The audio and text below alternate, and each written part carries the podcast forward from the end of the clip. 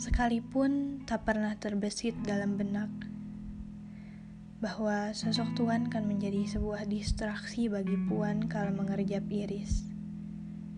Memantik kurva samar pada roman yang gansir tiap kali Raja Laga berpendar. Mungkin sang Puan tengah berada di ambang pintu.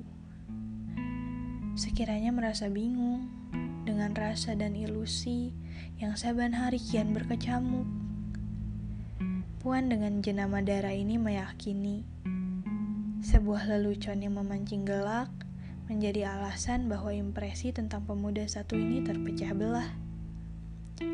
Oh bukan, memang sejak awal menaruh atensi, hanya tidak ingin terjun menyelami dunianya. Makin hari makin menarik bak magnet, dan sang darah adalah remah besi yang kuyakini engkau adalah sosok sempurna, selalu kucari. Dengan kenyataan menampar, jika aku tak pernah menggubris atensimu.